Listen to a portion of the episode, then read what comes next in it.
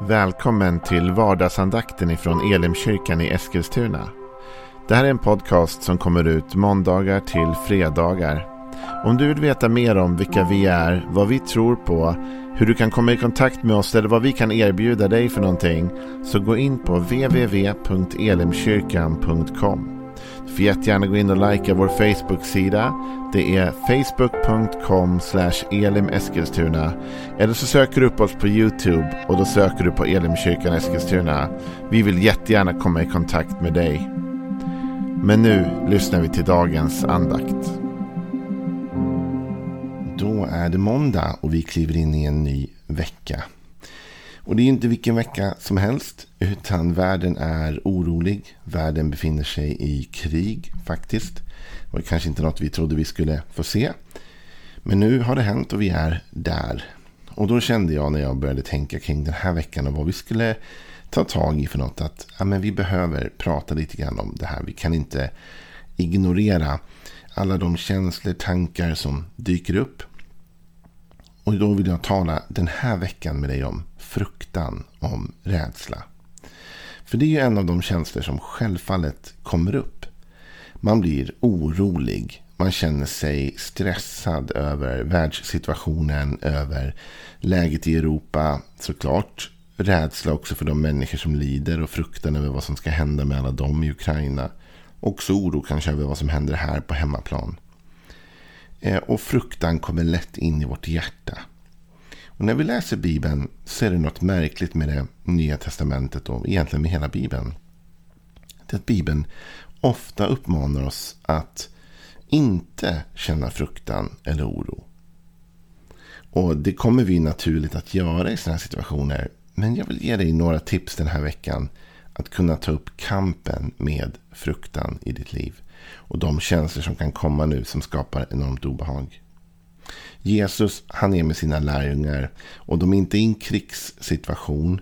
Men faktum är att de kommer att gå in i något oerhört skrämmande. Jesus kommer lämna dem snart. Han vet om det och försöker förbereda sina lärjungar på det. De har inte aning om det än och de har absolut inte en aning om hur, på vilket fruktansvärt sätt det här kommer gå till. Hur Jesus kommer tillfångatas, hur Jesus kommer torteras, och hur Jesus kommer hängas upp och dö på ett kors. Och hur all deras på något sätt tro nästan kommer prövas och verkligen utsättas för ett stresstest. När Jesus då inleder sitt avskedstal till dem. Vilket de nog inte riktigt har fattat än att det är. Men vi i efterhand förstår att det här är Jesu avskedstal och avskedsförbön kan man säga för sina lärjungar. Där brukar vi läsa i Johannes kapitel 14, 15 och 16. Och sen är det 17 kapitlet så har vi förbönen för hans lärjungar. Men i det 14 kapitlet när Jesus inleder det här talet så säger han så här i Johannes 14, vers 1. Känn ingen oro. Tro på Gud och tro på mig. Sen fortsätter Jesus att tala om himlen och hur han går och förbereder en plats för oss. Men han börjar med detta. Känn ingen oro. Alltså de hade ju all anledning i världen att känna oro. Och faktum är att de kommer självfallet närmsta tiden att få brottas med känslor av oro och fruktan. De kommer bli oroliga när de ser Jesus tas till fånga. De kommer bli oroliga när de ser att han hängs upp på ett kors. De kommer känna fruktan. Vad ska hända nu? Faktum är att vi läser i Apostlagärningarna om att de av rädsla hade låst in sig i en sal. Så oron kommer finnas. Ändå uppmanar Jesus dem. Fäst er inte vid oron. Och fäst er inte vid fruktan. Du vet, du och jag kan inte hindra när sånt där händer. Att oro kommer. Och att fruktan kommer. Och att rädsla dyker upp då och då i vårt hjärta. Men vi ska inte fästa oss vid den. Vi kan inte ignorera den. Och vi kan inte låtsas som att den inte finns. Men vi kan välja hur mycket näring vi ger fruktan Kontra vad? Kontra tro. För alltid när Bibeln talar om fruktan och att vi inte ska vara rädda så gör den det i förhållningsmotpol kan man säga till tro. För när Jesus har sagt att de inte ska känna oro så är det första han sen säger, det första ord han säger är tro. Vi läser det igen. Känn ingen oro. tro på Gud och tro på mig. Så Jesus talar här om att, att vi måste våga ha med oss tron. Och att tron är sättet att övervinna fruktan. Det är inte det att vi inte känner fruktan. Det är inte det att vi inte blir oroliga. Men det är det att vi flyr till vår tro. Och vår tro är starkare än fruktan. Är starkare än oron. Och ger oss en trygghet mitt i stormen. Det är inte det att det inte finns orosmoln runt omkring. Men det är det att du och jag, vi riktar vår blick till tron. Och Jesus, han är ju inte orimlig här. Han säger inte bara till lärjungarna, känn ingen oro och sen får ni lista ut det själva. Utan han säger, känn ingen oro och sen ger han dem en färdplan. Han säger så här, känn ingen oro utan istället vadå? Tro på Gud och tro på mig. Det där var en formulering jag var tvungen att fundera lite grann kring. Vad menar han egentligen? Tro på Gud och tro på mig. Jesus är väl Gud? Han är väl Guds son? Är inte det lite grann som att liksom köra, eh, säga samma sak två gånger här va?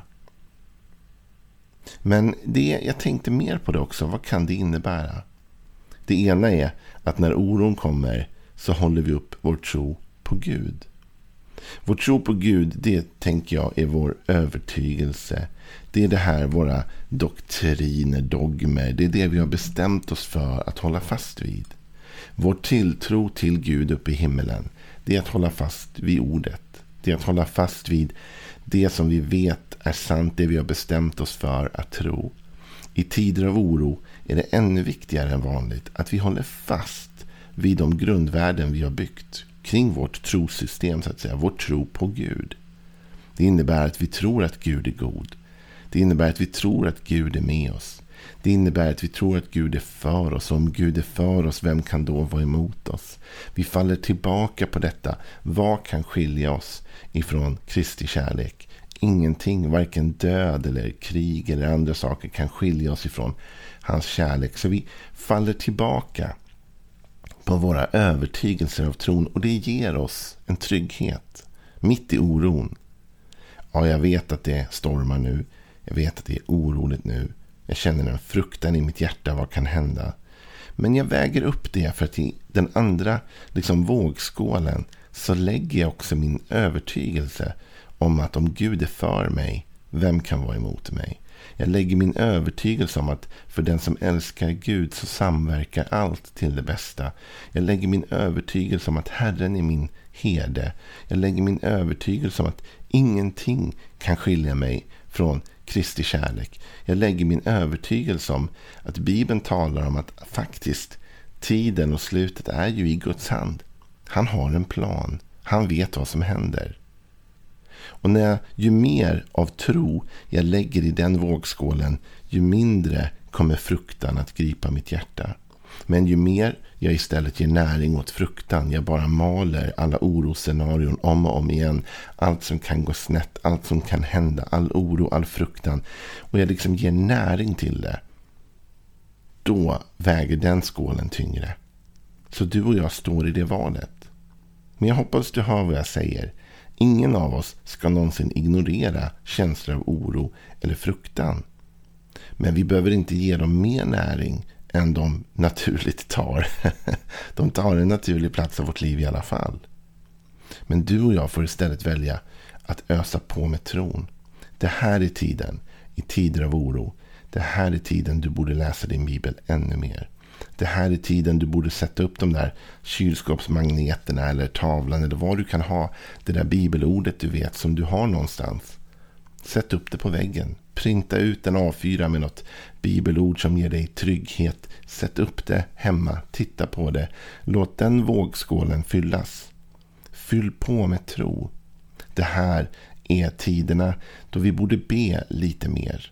Det här är tiderna då vi bara kan påminna oss själva hela tiden om vår tro. Det som händer i orostider är att vi slänger på tvn och vi matar oss nonstop dygnet runt med det här budskapet. Om vad som händer där och hur det kommer påverka oss och vad som kan gå snett och allt det där. Och det är viktigt att lyssna på allt det där. Det är viktigt att hålla sig uppdaterad och informerad om världsläget utan tvekan. Jag gör också det.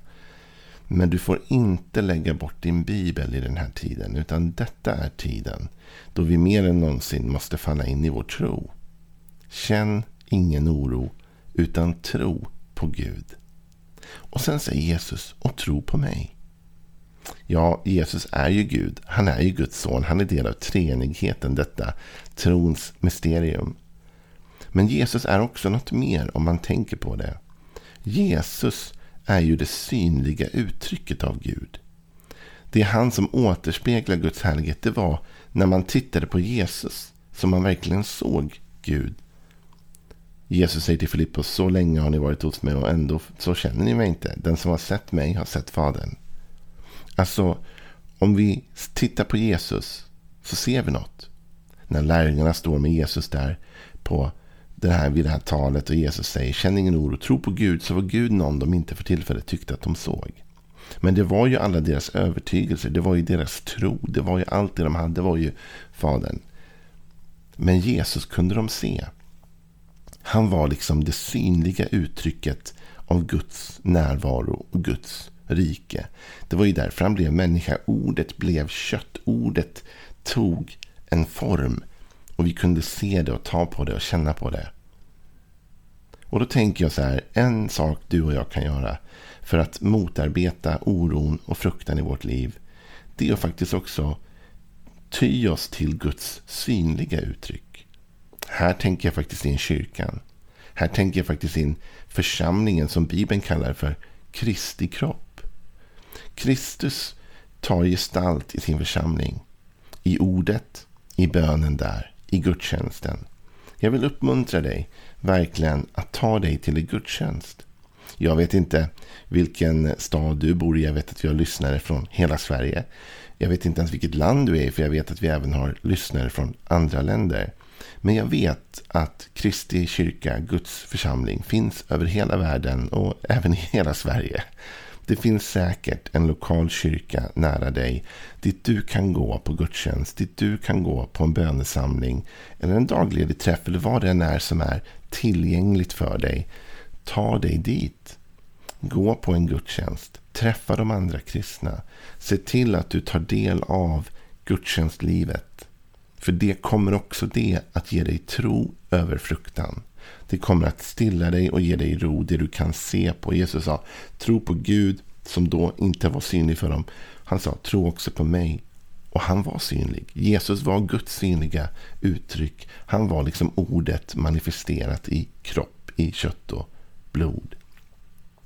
Så vi ska ty oss till platser och situationer där vi ser Guds rike ta form. Där vi ser Gud utlevd så att säga. Dit ska vi ta oss och där ska vi sätta vår blick och vårt fokus och vårt fäste. Är du i Eskilstuna-trakten vill jag såklart inbjuda dig att ta del av, av det som händer hos oss i Elimkyrkan. Kom och besök oss på onsdag klockan 19 eller söndag klockan 11 eller vid andra tillfällen som finns utannonserade på vår hemsida. Kom och var en del av vår gemenskap så ska vi tillsammans se till att vinna över oron och fruktan med vår tro. Så jag hoppas du förstår vad jag säger den här veckan. Det är inte det att vi ska leva med huvudet i sanden eller liksom i molnen och låtsas som ingenting och vara ignoranta. Det här handlar inte om att vara ignorant. Det handlar om att se oro och fruktan för vad det är.